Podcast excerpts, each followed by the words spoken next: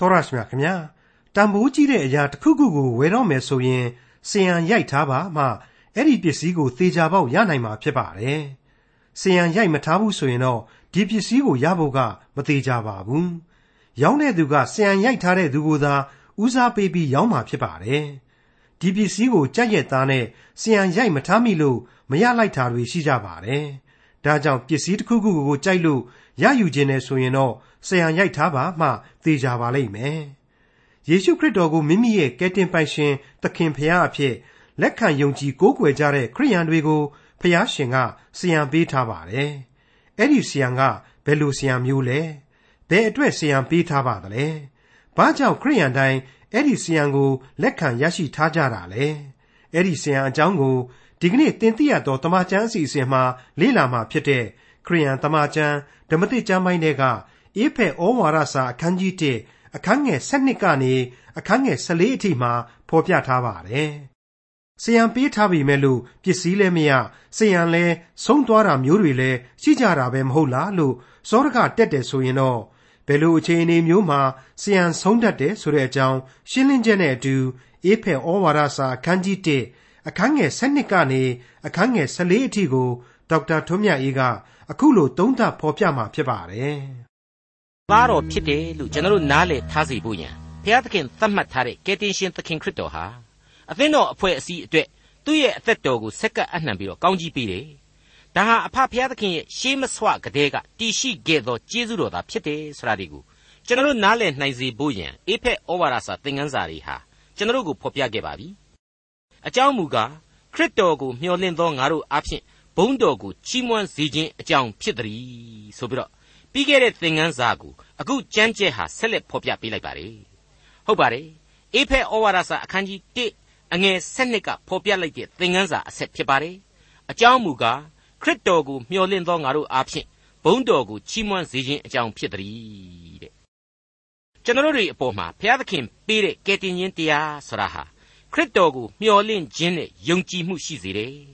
အဲ့ဒီလိုယုံကြည်ခြင်းဖြစ်လာတဲ့အခါမှာတော့ဘုရားသခင်ရဲ့ဘုန်းတော်ကို ချီးမွမ်းထောမနာပြုခြင်းအသက်တာဟာအလိုအလျောက်တိဆောက်ပြီးသားဖြစ်လာရတယ်။ဘုရားသခင်၌ကျေးဇူးတော်ကိုအစဉ်ချီးမွမ်းသောအသက်တာဖြစ်လာရတယ်ဆိုတာကိုဆက်ဆက်ဖော်ပြပေးလိုက်တာပဲဖြစ်ပါလေ။မိတ်ဆွေတော်တတ်ရှင်အပေါင်းတို့ခမညာဘုရားသခင်ရဲ့ဘုန်းတော်ဆိုတာဟာကာလအစဉ်ကြီးမြင့်တယ်။သူဟာအနန္တကာလမှာစัจ java လာကိုအစိုးပိုင်ရင်မြေကြီးနဲ့မြေကြီးသားလောကနဲ့လောကရတ်တို့ကိုစိုးမိုးတယ်ဆိုတာတွေကိုကျွန်တော်ဆာလံတီချင်းမှပြေဝစွာနားဆင်ခဲ့ရပြီးပါပြီ ဒီသစ္စာတရားကိုလေကျွန်တော်ခံယူနိုင်လောက်ပြီလို့ကျွန်တော်ခံယူပါတယ်အခုသူ့ရဲ့ဘုန်းတော်ကိုချီးမွမ်းစေခြင်းဆရာဟာကျေးဇူးတော်ကိုလူသားတို့ထိတွေ့ခံစားရခြင်းရဲ့တုံ့ပြန်မှုတစ်ခုကိုသာသူဖော်ပြတာဖြစ်ပါတယ်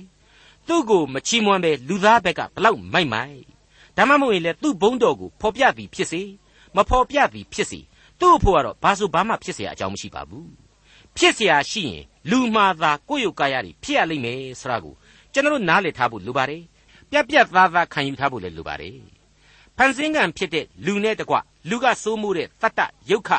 ဓာတုယူပစတဲ့နေပယ်အသီးသီးနဲ့ပြည့်စုံနေတဲ့ကဘာဟာအလိုအလျောက်ပဲဘုရားသခင်ရဲ့ဘုန်းတော်ကိုရောင်ပြန်ပေါ်ထွန်းနေစမြဲဘဲလို့လေကျွန်တော်ကတော့ပြက်ပြက်သားသားပဲမြင်ပါတယ်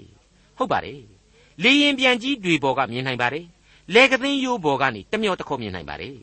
ရုပ်စွာအဆုံးလှလှမလှလှကိုကိုကိုမှန်တဲ့ပြန်ကြည့်ယုံနဲ့တောင်မှ ဖန်ဆင်းတော်မူခြင်းကျေးဇူးတော်ကိုကျွန်တော်တို့တန်းကနေမြင်နိုင်ပါတယ်မိษွေအပေါင်းတို့ဘုရားသခင်ရဲ့ဖန်ဆင်းခံတတ္တလောကမှာလူဟာအထွတ်အထိပ်မှာရှိတယ်မြေကြီးနဲ့စီရင်ထားတဲ့လူဖြစ်ပေမယ့်ဘုရားသခင်ရဲ့ဝိညာဉ်နဲ့ရှင်သန်ရတဲ့တတ္တဝါဖြစ်ပါတယ်ကျွန်တော်တို့ဟာဖန်ဆင်းခံများတာဖြစ်လို့ဖန်ဆင်းရှင်ကိုအတွန့်တက်ပြီးတော့ဘာမှစုံစမ်းစစ်ဆေးနေစရာအကြောင်းမရှိပါဘူးသူပေးတဲ့အသက်တာကိုသူနှစ်သက်တဲ့လမ်းကြောင်းအတိုင်းဖြောင်တန်းစွာရှောက်သွားရန်သာဖြစ်ပါကြောင်းကျွန်တော်တင်ပြလိုက်ပါရစေ အခုချိန်မှာတော့တန်ရှင်းသောဝိညာဉ်တော်ဤဂန္ဓာဆိုတဲ့ခေါင်းစဉ်နဲ့ကျွန်တော်ဆက်လက်တင်ပြဖို့ရှိပါတယ်အေဖက်ဩဝါဒစာအခန်းကြီး1အငယ်73ကိုနားဆင်ကြည့်ကြပါစို့သင်တို့သည်လည်းကဲတင်တော်မူခြင်းအကြောင်းနှင့်ရှင်သောဧဝံဂေလိတရားဒီဟုသောတမန်တရားကိုကြားနာရ၍ခရစ်တော်ကိုယုံကြည်ပြီးမှဂရိတော်နှင့်ရှင်သောတန်ရှင်းသောဝိညာဉ်တော်ဤတစိ့ခတ်ခြင်းကိုခံရကြပြီဝိညာဉ်တော်ဤဂန္ဓာဆိုပြီးတော့ကျွန်တော်ခေါင်းစဉ်ပေးခဲ့ပါတယ်အဲ့ဒီလိုဂန္ဓာခွဲလိုက်ပြီဆိုတော့ ဝိညာဉ်တော်ရဲ့စွန့်ပကားသုံးခုအကြောင်းကိုကျွန်တော်စတင်တင်ပြလိုပါတယ်အဲ့ဒါတွေကတော့တစ်ဝိညာဉ်တော်ဟာကျွန်တော်တို့ကိုရှင်သန်နှုတ်ကြစေတယ်နှစ်ဝိညာဉ်တော်သည်ကျွန်တော်တို့အတွက်ခိုလှုံအားကိုးရာဖြစ်တယ်သုံးဝိညာဉ်တော်သည်အသက်တာဤအောင်မြင်ခြင်းအတွက်တည်ရှိနေခြင်းဖြစ်တယ်လို့ကျွန်တော်ဆိုချင်ပါတယ်ဖျားသခင်ဤရွေးချယ်ခြင်းခရစ်တော်ဤကယ်တင်ခြင်းဆိုတာဒီကိုခန်းစားရပြီးတဲ့နောက်ယုံကြည်သူတို့ရဲ့အသင်းတော်များနှုတ်ကြတက်ကြွဖို့အထူးပဲလိုအပ်လာပါတယ် အစဉ်အမြဲအသက်ဝင်နေသောအသင်းတော်ဖြစ်ဖို့လိုပါတယ်အင်အားနဲ့ပြည့်ဝစွာရှင်သန်ဖို့လည်းအထူးပဲလိုပါတယ်အဲ့ဒီအခါမှာတန်ရှင်းသောဝိညာဉ်တော်ရဲ့ဂန္ဓာဟာအလွန်အလွန်အရေးကြီးလာပြီလို့ကျွန်တော်ဆိုချင်ပါတယ်ဟုတ်ပါတယ်ဝိညာဉ်တော်၌အသက်မွေးဖွားခြင်းခံယူဖို့လိုတယ်ဆိုတာကိုကယ်တင်ရှင်သခင်ခရစ်တော်ကိုတော်တိုင်မိန့်ကြားခဲ့ခြင်းဖြစ်ပါတယ်ဘယ်လိုမွေးဖွားခြင်းခံရမယ်ဆိုတာကိုရှင်ယောဟန်ခရစ်ဝင်ကျမ်းအခန်းကြီး1အငယ်7 73တို့အရာကျွန်တော်တို့အခုလိုတွေ့နိုင်ပါတယ် ထိုသူကိုလက်ခံသမျှသောသူတည်းဟုသောကိုတော်ကိုယုံကြည်သောသူတို့အားဖျားသခင်ဤသားဖြစ်ရသောအခွင့်ကိုပေးတော်မူ၏ထိုသားတို့မူကားလူမျိုးနှင့်ဆက်ဆံ၍ဖွာသောသားမဟုတ်မေထုံတန်ဝါသားအဖြစ်ဖွာသောသားမဟုတ်လူအလိုအလျောက်ဖွာသောသားမဟုတ်ဘုရားသခင်ဖွာတော်မူသောသားဖြစ်သည်တဲ့အဲ့ဒီတော့တန်ရှင်းသောဝိညာဉ်တော်၌အသက်မွေးဖွားခြင်းခံယူတယ်ဆိုတာဟာဘုရားသခင်ရဲ့သားသမီးများအဖြစ်ခံယူခြင်း ခရစ်တော်၏နာမတော်အဖြစ်အပြစ်ဘဝမှအသက်ဘဝသို့ကူးသန်းသောပြောင်းလဲခြင်းသာဖြစ်တယ်ဆိုတာပေါ်လာပါလေဒီအချက်တွေအဖြစ်ခမည်းတော်သားတော်တန်ရှင်းသောဝိညာဉ်တော်သုံးပါးတဆူဖြစ်တော်မူခြင်းဆိုတဲ့သစ္စာတရားဟာပုံမပြီးတော့အတိတ်ပဲလေးနဲ့လာတယ်လို့လည်းကျွန်တော်ဒီနေရာမှာဆိုချင်ပါတယ်မိတ်ဆွေအပေါင်းတို့ခမညာသမာတရားကိုကြားနာရတယ်ဒီတော့ခရစ်တော်ကိုယုံကြည်လာရတယ်ဆိုတဲ့ဖော်ပြချက်အရာသမာတရားကိုဖတ်ရှုရခြင်းကြားနာရခြင်းအလုံးပါဝင်ပါတယ် ပြီးနောက်မှာတော့သမာတရားကိုနားလေသိကျွမ်းခြင်းဆိုတဲ့အချက်လဲပါဝင်နေတယ်ဆိုတာကိုကျွန်တော်တို့သဘောပေါက်ထားကြဖို့လိုပါတယ်ဒီတော့သေချာစဉ်းစားကြည့်လိုက်ရင်ကြားနာရတိုင်းနားမလည်နိုင်ဘူးနားလည်မှသာလျှင်ယုံကြည်ခြင်းရှိနိုင်တယ်နားလည်မှသာလျှင်ခွန်အားနဲ့စွန့်ပကားရှိလာနိုင်တယ်ဆိုတာကိုကျွန်တော်တို့အတွက်တမန်တော်ကြီးရှင်ပေါလုကနေပြီးတော့ကောရိန္သုဩဝါဒစာပထမစာဆောင်အခန်းကြီး1အငယ်22ကနေ25အတွင်းမှာရှင်းရှင်းလင်းလင်းဖော်ပြထားတာလည်းရှိပါသေးတယ် ယူရလူတို့သည်နမိတ်လက္ခဏာကိုတောင်းတကြ၏ဟေလသလူတို့သည်ပညာကိုရှာတတ်ကြ၏ငါတို့မူကားလက်ဝါးကတိုင်မှအသေးခံတော်မူသောခရစ်တော်၏အကြောင်းအရာကိုဟောပြောကြ၏ထိုအကြောင်းအရာသည်ကယူရအမျိုးသားထိမိ၍လဲเสียအကြောင်းဖြစ်၏တပားမျိုးသား၌ကမိုက်မဲခြင်းဖြစ်၏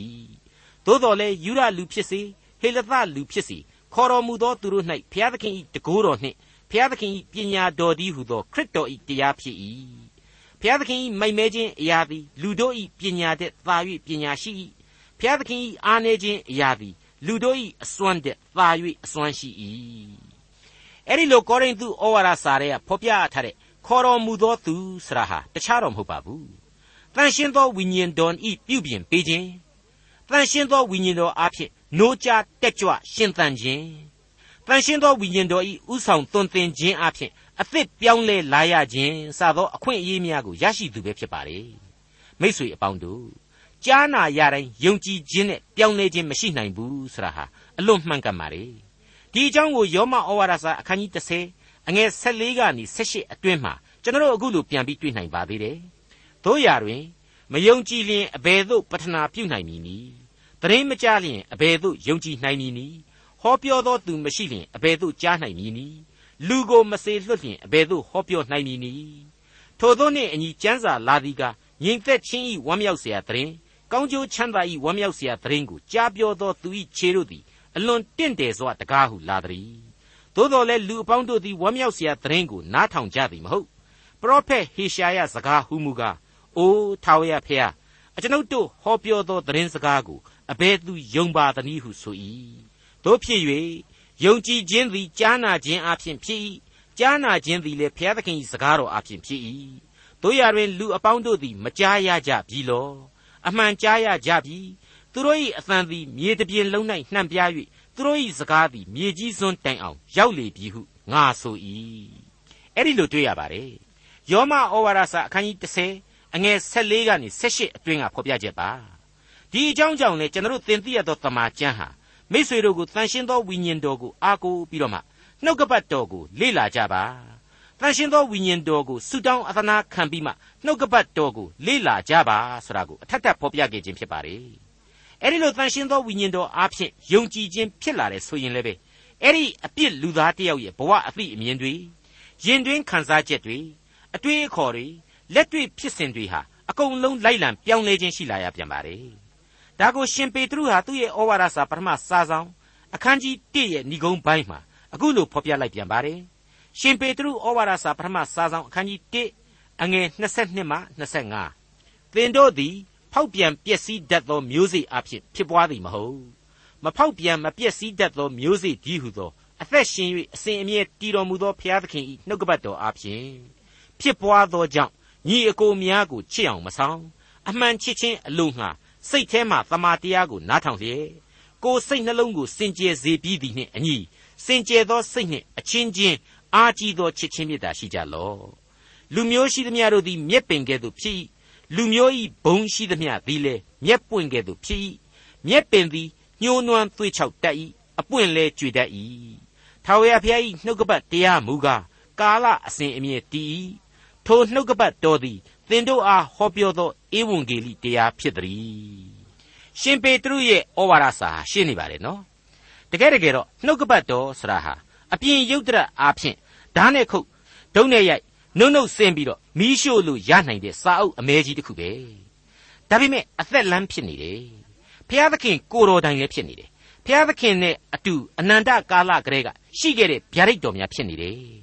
ဇာတိပဂရိစိတ်များနဲ့မခံယူရပါဘူး တန်ရှင်းသောဝိညာဉ်တော်နဲ့သာခံယူလို့အတိတ်ပဲရှိပါလိမ့်မယ်ဖျားသခင်ပေးသောအသက်လမ်းကိုမြင်တွေ့ထိတွေ့ရပါလိမ့်မယ်အခုအေဖက်ဩဝါဒစာရဲ့အငယ်73ဖတ်ခဲ့ပြီးတဲ့အပိုင်းကလေးမှာအဆုံးသတ်လိုက်တာကတော့ဂရိတော်နှင့်ရှင်သောတန်ရှင်းသောဝိညာဉ်တော်ဤတစိ့ခတ်ခြင်းကိုခံရကြပြီဆိုတဲ့အချက်ပါပဲအဲ့ဒီအချက်မတိုင်ခင်ကဖော်ပြချက်နဲ့တွဲဖက်စဉ်းစားလိုက်မယ်ဆိုရင်တော့ခရစ်တော်ကိုယုံကြည်ပြီးမှဆိုတဲ့အချက်ကိုတွေ့ရပါတယ် Greek စာပေသဘောအရအဲ့ဒီလိုပြီးမှဆိုတာဟာတပြိုင်နက်တည်းဆိုတဲ့သဘောကိုဆောင်းပါတယ်ဒါကြောင့်ခရစ်တော်ကိုယုံကြည်ခြင်းနဲ့အတူဝိညာဉ်တော်၌တစိ့အလိုလိုခပ်ပြီးသားပဲဖြစ်တယ်လို့ကျွန်တော်ဆိုချင်ပါတယ်ဟုတ်ပါတယ်မိတ်ဆွေအပေါင်းတို့ဖျားသခင်ရဲ့ရှေးမဆွကကြံစီပြုပြင်တော်မူခြင်းခရစ်တော်၏အသွေးတော်နဲ့ကယ်တင်ခြင်းတို့ကြောင့်တန်ရှင်းခြင်းယုံကြည်ခြင်းဆိုတဲ့စိတ်အပြောင်းလဲတို့ဟာဝိညာဉ်ရေးအပြောင်းလဲတို့ဟာလူသားတို့ခံစားရကျေးဇူးတော်များဖြစ်လာရပါတယ် အဲ့ဒါဟာတမာတရားပါပဲဒီတမာတရားကိုကြားနာရသောအခါမှာတော့တန်ရှင်းသောဝိညာဉ်တော်တကိုးနဲ့ခရစ်တော်ကိုယုံကြည်တယ်ဝိညာဉ်တော်၌အသက်မွေးဖွားခြင်းကိုခံယူရရှိတယ်တပြိုင်နက်တည်းမှာပဲတန်ရှင်းသောဝိညာဉ်တော်ဤတစိမ့်နဲ့ခတ်နှိပ်ခြင်းကိုခံလိုက်ရပါတယ်မိတ်ဆွေအပေါင်းတို့ယုံကြည်သူအသင်းတော်တို့အထဲမှာစာစကားတွေကိုအသေးစိတ်လိုက်ပြီးတော့ကွန်ပျူတာနဲ့စစ်ဆေးသလိုစစ်ဆေးကြတယ်ဆိုတာကိုကျွန်တော်ဒီခေတ်မှာတွေ့နေရပါတယ် ယုံကြည်မှုတွေတယောက်တစ်ပေါက်ဖြစ်လာပြီးတော့ဘုရားသခင်ခရစ်တော်တန်ရှင်းသောဝိညာဉ်တော်စတဲ့အချက်တွေကိုကိုယ်ရှုထောင့်တွေနဲ့ကိုလက်ခံသုံးသပ်လာကြတယ်ဆိုတာကိုလေကျွန်တော်တို့ဝန်းနေပွဲတွေ့နေရပါတယ်တချို့ကြတော့လေအဲ့ဒီလိုကိုယ်ရှုထောင့်နဲ့ကိုလက်ခံသုံးသပ်ကြတာတွေမကဘူးအသေးဆုပ်ကင်လွန်အားကြီးပြီးတော့တင်းမာမှုကြီးတွေသဘောထားကွဲလွဲမှုကြီးတွေအသင်းတော်အတွင်းမှာဖြစ်နေတာတွေဟာလေယူကျုံမရပွဲပဲဖြစ်တယ်လို့ကျွန်တော်ဆိုချင်ပါတယ်အဖဖျားသခင်ရဲ့ကယ်တင်ခြင်းကျေးဇူးတော်ဆရာဟာရန်ဖြစ်ဖို့လုံးဝမဟုတ်ပါဘူး ညှင်းခုန်နေဖို့လည်းမဟုတ်ပါဘူးရိုးရိုးလေးလက်သင့်ခံလိုက်ရုံပဲရှိတာပါအဖကစီမံတယ်သားတော်ဟာကယ်တင်တယ်တနည်းအားဖြင့်ဘုရားသခင်နဲ့ခရစ်တော်ဟာလူပောင်အတွက်ကျေးဇူးပြုတော်မူတယ်အဲ့ဒီကျေးဇူးတော်တွေကနောက်ထပ်ကျေးဇူးတော်အဖြစ်သူတို့ကိုကိုစားပြုတဲ့တန်ရှင်းသောဝိညာဉ်တော်ကိုပေးအပ်ထားပြန်တယ်ဒါကိုဒီအတိုင်းခံယူလိုက်ရင်အလုံးပြေလည်သွားမှာမဟုတ်ဘူးလားအခုဆိုရင်တန်ရှင်းသောဝိညာဉ်တော်ရဲ့ခိုင်မြဲသောသစ္စာဆရာဟာတန်ရှင်းသောဝိညာဉ်တော်၏တစိ့ခတ်နှိပ်ခြင်းဆိုတဲ့အချက်နဲ့ ထင်ရှားစွာပေါ်လွင်လာရပြန်ပါလေအဲ့ဒီလိုတန်ရှင်းသောဝိညာဉ်တော်နဲ့တစိ့ခတ်နှိပ်တယ်ဆိုတာဟာဘာသဘောလဲပုံဖျားသခင်ဆိုပြီးတော့ယုံတော်ကြီးကလက်မှတ်ထိုးလိုက်တဲ့သဘောလားမဟုတ်ဘူးအဲ့ဒီလိုတန်ရှင်းသောဝိညာဉ်တော်ဤတစိ့ခတ်နှိပ်ခြင်းအပြင်ကျွန်တော်မိษွေတို့ယုံကြည်သူများရဲ့နှလုံးသားစိတ်အစဉ်မှာဖျားသခင်ရဲ့မျက်နှာတော်အလင်းကိုဆောင်ကျင်းပေးလိုက်တယ်မျက်နှာတော်အလင်းကိုဝေမျှပေးလိုက်တယ်ခရစ်တော်ရဲ့ကယ်တင်ရှင်ယေရှုအရေးကိုလွှမ်းမိုးအောင်လုပ်ပေးလိုက်တယ်ဘ လောက်ကောင်းလဲအပြစ်ရှိမြဲရှိနေတဲ့လူတော့လူသားနော်အပြစ်ကတော့ပျောက်မသွားဘူးဒါပေမဲ့ဝိညာဏလူသားလို့ခေါ်ရတော့မယ်ဘဝသစ်ကိုရောက်စေတယ်ယုံကြည်သူအစ်စ်အမှန်ဆရာဟာအဲ့ဒီတန်ရှင်းသောဝိညာဉ်တော်နဲ့စိတ်ခတ်နှိပ်လိုက်တော့မှပြီးပြီးပြင်းပြင်းဖြစ်သွားရခြင်းပဲကျွန်တော်စောင်းကပြောခဲ့တဲ့အတိုင်းပဲခရစ်တော်ကိုယုံပြီးမှဆိုတဲ့အချိန်ဆွဲခြင်းရှိတယ်လို့မဆိုလိုပါဘူးယုံကြည်ခြင်းနဲ့တူပြိုင်ခံယူရသောနောက်ထပ်ကျေးဇူးတော်သာလျှင်ဖြစ်ပါတယ် အဲ့ဒီတန်ရှင်းသောဝိညာဉ်တော်နဲ့တစိ့ခတ်နှိပ်ခြင်းသဘောကိုရှင်ယောဟန်ခရစ်ဝင်ကျမ်းအခန်းကြီး3အငယ်33မှာလည်းတွေ့နိုင်ပါသေးတယ်။သက်သေခံတော်မူချက်ကိုခံယူသောသူသည်ကဖျားသခင်သည်တစ္ဆာစောင့်တော်မူသည်ဟုတစိ့ခတ်၏တဲ့။ရှင်းနေပါတယ်နော်။ကိုယ့်ဘက်ကဖျားသခင်ကိုတစ္ဆာစောင့်တာမစောင့်တာကိုသာကိုယ့်ဟာကိုစဉ်းစား။ဖျားသခင်ကတော့သူ့ရဲ့လူသားအပေါ်မှာသစ္စာဂရိဘယ်တော့မှမပြတ်ဘူးတဲ့။ ဖျားသခင်သည်သစ္စာစောင့်တော်မူသည်ဟုတစိ့ခတ်၏လို့ဖော်ပြထားတယ်လေဒါဟာအံ့ပွေသောကျေးဇူးတော်ရဲ့အနှစ်သာရပါပဲတခုတော့ရှိပါတယ်ဘုရားသခင်ပေးတဲ့တန်ရှင်းခြင်းအခွင့်ယုံကြည်ခြင်းအခွင့်ခိုင်မာတဲ့ရှေးမဆွကကလေးကရှိခဲ့တဲ့ကယ်တင်ခြင်းကျေးဇူးတော်ဆိုတာကိုတော့တွားပြီးမပြစ်မှားနဲ့ခရစ်တော်ရဲ့အသွေးတော်နဲ့ပေးဆက်ခဲ့ခြင်းဆိုတာကိုလည်းတွားပြီးတော့ညှီစော်နန္ဒလေးဘာလေးညာလေးတွားမလုပ်နဲ့ကိုယ့်ရဲ့ဘဝကသာညှီစော်နန္ဒာ သမိုင်းနဲ့ချီပြီးတော့အပြစ်ရှိနေတာဆိုတာကိုသိပြီးတော့ကိုဟာနန်းစော်နေတဲ့အပြစ်လူသားဘဝကနေပြီးတော့အဲ့ဒီအပြစ်တွေရှိနေတဲ့ကြားတွေကပဲဘုရားသခင်ရဲ့ကျေးဇူးတော်ကိုခံစား권ရရှိခြင်းဆိုတဲ့အချက်ကိုနှိမ့်နှိမ့်ချချခံယူထားဖို့အထူးပဲအရေးကြီးလာပါတယ်အဲ့ဒီအတိုင်းပါပဲတိမောသေဩဝါဒစာဒုတိယစာဆောင်အခန်းကြီး2အငယ်16မှာကျတော့အခုလိုကျွန်တော်တို့ထပ်ပြီးတွေ့ရပါတယ်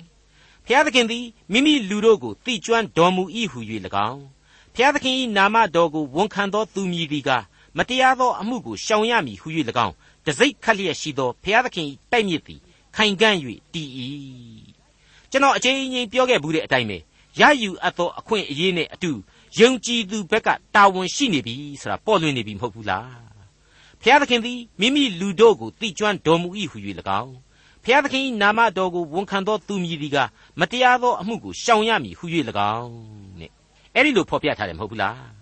ဒါဟာရယူအပ်သောလူသားရဲ့ကယ်တင်ရှင်ကျေးဇူးနဲ့အတူဒီကျေးဇူးတရားအပေါ်မှာယုံကြည်သူဘက်ကပေးဆက်ရန်ဘာတွေလဲဆိုတာပေါ်လွင်နေပြီနာမတော်ကိုဝန်ခံသူအပေါ်မှာဖျားသခင်သည်တစ္ဆာဆောင်သည်ထိုသူသည်မတရားသောအမှုကိုရှောင်ရမည်ဆိုတဲ့အချက်ဟာအကုန်ဆက်ဆက်နေတယ်ဆိုတာကိုကျွန်တော်ဒီနေရာမှာအကဲဖြတ်နိုင်ပါတယ် ဒီလိုဖျားသခင်ကတားမြစ်ထားတဲ့အချက်ကိုလေကျွန်တော်ဟာနှုတ်ကပတ်တော်အားဖြင့်လေးလေးဆဆလိုက်နာဖို့အထူးပဲလိုအပ်နေတယ်လို့ကျွန်တော်ဆိုချင်ပါတယ်မိษွေတော်တတ်ရှင်အပေါင်းတို့တန်ရှင်းသောဝိညာဉ်တော်အားဖြင့်တစိ့တော်ခတ်နှိပ်တယ်ဆိုတာဟာကျွန်တော်ပြောခဲ့တယ်လို့ဘုရားသခင်ရဲ့မျက်နှာတော်အလင်းကိုကျွန်တော်နှလုံးသားကနေထွန်းလင်းစေဖို့ဖြစ်တယ်ဘုရားသခင်ရဲ့ကျေးဇူးတော်အရေးကိုသွမ်းမိုးစေဖို့ဖြစ်တယ်ဆိုတာဒီကိုကျွန်တော်ပြောခဲ့ပြီးပါပြီခရစ်တော်ရဲ့မေတ္တာတော်ကိုကျွန်တော်စီကနေရောင်ပြန်ဟပ်ဖို့ဆိုတဲ့သဘောပေါ့ နောက်ထပ်တွေးခေါ်မျှော်မြင်စရာရှိနေပါတယ်အဲ့ဒါကတော့တန်ရှင်းသောဝိညာဉ်တော်တစိ့ခတ်နှိပ်လိုက်တယ်ဆရာဟာခရစ်တော်ရဲ့လူသားအဖြစ်ကြိုတင်ပြင်ဆင်ပေးတော်မူခြင်းနိုင်ငံတော်တည်ထောင်ခြင်းမှာဒီလူသားဟာခရစ်တော်အတွက်သာရှင်သန်ရမည်လူဖြစ်ခြင်းဆိုတာတွေ့ကိုအခိုင်အမာအတီးပြုတ်ကြေညာလိုက်ခြင်းပဲဖြစ်ပါလေတနည်းအားဖြင့်ကတော့စာရိုက်ကပို့လိုက်တဲ့မှတ်ပုံတင်ထားတဲ့စာတစ်စောင်လိုပဲပေါ့အဲ့ဒီစာဆောင်ပေါ်မှာခရစ်တော်ထံသို့ဆိုပြီးတော့တစိ့ခတ်နှိပ်ထားခြင်းကိုခံရတယ် တနည်းအားဖြင့်ဒီစာဆောင်ဟာခရစ်တော်အတွက်ဖြစ်တယ်ဒီလူရဲ့ဘဝဟာလေခရစ်တော်အတွက်ပဲဖြစ်ရလိမ့်မယ်ကျွန်တော်ယုံကြည်သူတွေဟာခရစ်တော်အတွက်ဝိညာဉ်တော်ဤလွှမ်းမိုးခြင်းကိုခံယူရတယ်ဆိုတဲ့အဓိပ္ပာယ်ရှိပါတယ်အဲ့ဒီလိုလွှမ်းမိုးခြင်းခံရတယ်ဆိုတော့ငါတို့ကိုများလာပြီးလွှမ်းမိုးရတယ်ရှိသေးဆိုပြီးတော့နာစရာများရှိနေတယ်လို့ကျွန်တော်ခံယူကြမှာလားအခုအေဖက်ဩဝါဒစာအခန်းကြီး1အငယ်14ကဘယ်လိုဖော်ပြမလဲဆိုတာကိုကြည့်ကြပါပိုင်တိုက်တော်မူသောသူတို့သည် ဘုန်းတော်ကိုချီးမွမ်းခြင်းအကြောင်းနှင့်ရွေးနှုတ်တော်မူခြင်းသို့မရောက်မီကာလပတ်လုံးထိုဝိညာဉ်တော်သည်ငါတို့အမွေဤစယံဖြစ်တော်မူ၏ဘလောက်ကောင်းလေစယံနဲ့ရှင်းနေတာပဲနော်နိုင်ငံတော်တည်ထောင်ခြင်းမှာကောင်းကြီးမလွဲမသွေခံစားရမယ်ဆိုတဲ့အာမခံချက်ကြိုတင်ပြုတော်မူသောဂရိတော်ရဲ့အတိတ်ပဲပဲအခုခေတ်စကားနဲ့ပြောရရင်တော့တသိန်းကြိုပေးထားတယ်နောက်ထပ်10သိန်းလည်းဖြစ်နိုင်တယ်သိန်း20လည်းဖြစ်နိုင်တယ် သိန်း100လည်းဖြစ်နိုင်တယ်ဆိုတဲ့အတိတ်ပဲပါပဲကက်ကက်ဖဲ့ဖဲ့သာပြောရမယ်ဆိုရင်တော့အဲ့ဒီစယံငွေတွေလောကကြီးမှာဆုံးတာကိုမရှိဘူးလားဆိုရင်တော့ရှိပါတယ်ဘယ်ဘက်ကလဲဆိုတော့ကိုယ့်ဘက်ကအကယ်၍ကိုယ့်ဘက်ကညစ်ပတ်မယ်မပိုင်သေးဘဲနဲ့လက်မှတ်တုနဲ့ပိုင်တယ်လို့လို့လုပ်ပြီးတော့ရောင်းစားမယ်ဂရိသစ္စာတွေဖြတ်မယ်ဆိုရင်တော့ကောင်းကင်နိုင်ငံတော်ထာဝရအသက်နဲ့ဆိုင်တဲ့ဒီအမွေရဲ့စယံဟာမုတ်ချဆုံးရှုံးရလိမ့်မယ် ဒါပေမဲ့ဘုရားသခင်ဘက်ကတော့ဘယ်တော့မှသစ္စာမဖောက်ဘူးဆိုတာကိုကျွန်တော်တို့တွေ့ကြရပြီသစ္စာမဖောက်ဘူးဆိုတာကိုရောကျွန်တော်တို့မယုံနိုင်ဘူးလားစကလေးကကျေးဇူးမေတ္တာတော်နဲ့ဖန်ဆင်းတော်မူတယ်လीရှေးမဆွကလေးကပင်ခွဲကန့်မှတ်သားတယ်ဆိုတာလေတွေ့ကြရပြီးပြီဒီတော့ဘယ်လိုဘယ်လိုလုပ်ပြီးတော့ဖျားသခင်ရဲ့ဘက်ကဒီသစ္စာတော်ဟာဖောက်ဖျက်ခြင်းရှိနိုင်ပါလေမိတ်ဆွေတော်တတ်ရှင်အပေါင်းတို့ပေးကားပေးဤမရဆိုတဲ့အသက်တာမျိုးမဖြစ်ရပါဘူးကြွေးကားကြွေးဤမဝဆိုတဲ့အသက်တာမျိုးမဖြစ်ရပါဘူး ဖျားသခင်ဟာအာရန်အေဝါကိုဖန်ဆင်းတော်မူခြင်းကစပြီးတော့လူသမိုင်းကိုဘုံတော်ရောင်ချီနဲ့ရစ်ပတ်ခဲ့တယ်ဒါပေမဲ့လူသားဟာကမ္ဘာသမိုင်းအစမှကလေးကဘင်းနှင်စာရမဏတ်ကိုအားကိုးပြီးတော့ဖျားသခင်ရဲ့သစ္စာတော်ကိုတော်လှန်ခဲ့တယ်ဆိုတာကိုကျွန်တော်တို့ဝန်းနေပွဲတွေ့ရပါတယ်ဖျားသခင်ရဲ့ကျေးဇူးတော်ကိုပုံကန်ခဲ့တယ်ဆိုတာကိုယဉ်ထုမနာတွေ့ရပါတယ်အဲ့ဒါကြောင့်မို့လို့လေကျွန်တော်တို့လူသမိုင်းဟာအပြစ်သမိုင်းစစ်သမိုင်းသာဖြစ်တယ်လူရဲ့ဗီဇဟာအပြစ်ဗီဇသာဖြစ်တယ် တောက်လျှောက်သောသမိုင်းအဆက်ဆက်မှာလူသားတို့ဟာအပြစ်သားများအဖြစ်သာရှင်သန်လာရပြီးတော့အဲ့ဒီအပြစ်ရဲ့အဖို့အခအဖြစ်လေလောကရန်သေခြင်းကိုလူသားတိုင်းရင်ဆိုင်ရစမြဲပဲဆိုတာကိုကျွန်တော်တို့တွေ့နေရပါတယ်အဲ့ဒီလိုသေခြင်းနဲ့မကင်းနိုင်တဲ့လူသားတို့အတွက်မျှော်လင့်စရာအချက်တစ်ခုကတော့မိမိတို့ရဲ့ဝိညာဉ်မဆုံးရှုံးဖို့ပဲဒီဝိညာဉ်များကိုလည်းဘုရားသခင်ဟာကောင်းကင်နိုင်ငံတော်မှာသာဝရအသက်စည်းစိမ်နဲ့ပတ်ရစ်မယ်ကယ်တင်ခြင်းကျေးဇူးကိုပြုမယ်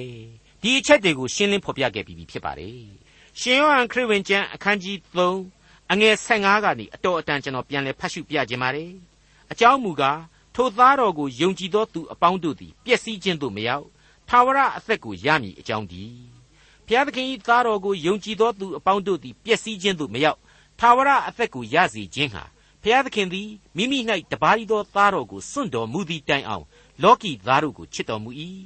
လောကီသားတို့အားအပြစ်စီရင်ခြင်းဟာဘုရားသခင်သည်သားတော်ကို ဤလောကသို့ဆေလွတ်တော်မူသည်မဟုတ်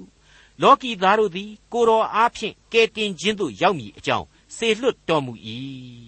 ဟုတ်ပါတယ်မိတ်ဆွေမိတ်ဆွေတို့ကျွန်တော်ရဲ့ဝိညာဉ်မဆုံးရှုံးနိုင်ဖို့ရန်အတွက်ဘုရားသခင်ပြုတော်မူသောကျေးဇူးတော်ဟာအလွန်အံ့ဩဖွယ်ကောင်းပါတယ်ကျွန်တော်ခံစားရတဲ့ကျေးဇူးတော်ဟာအဲ့ဒီလိုအံ့ဩဖွယ်ကောင်းတယ်လို့ကျွန်တော်ဟာလည်းအံ့ဩဖွယ်သောပြောင်းလဲခြင်းအပြင်ကယ်တင်ရှင်သခင်ခရစ်တော်ကိုယုံကြည်ကိုးကွယ်စိတ်ကပ်ကြရပါလိမ့်မယ်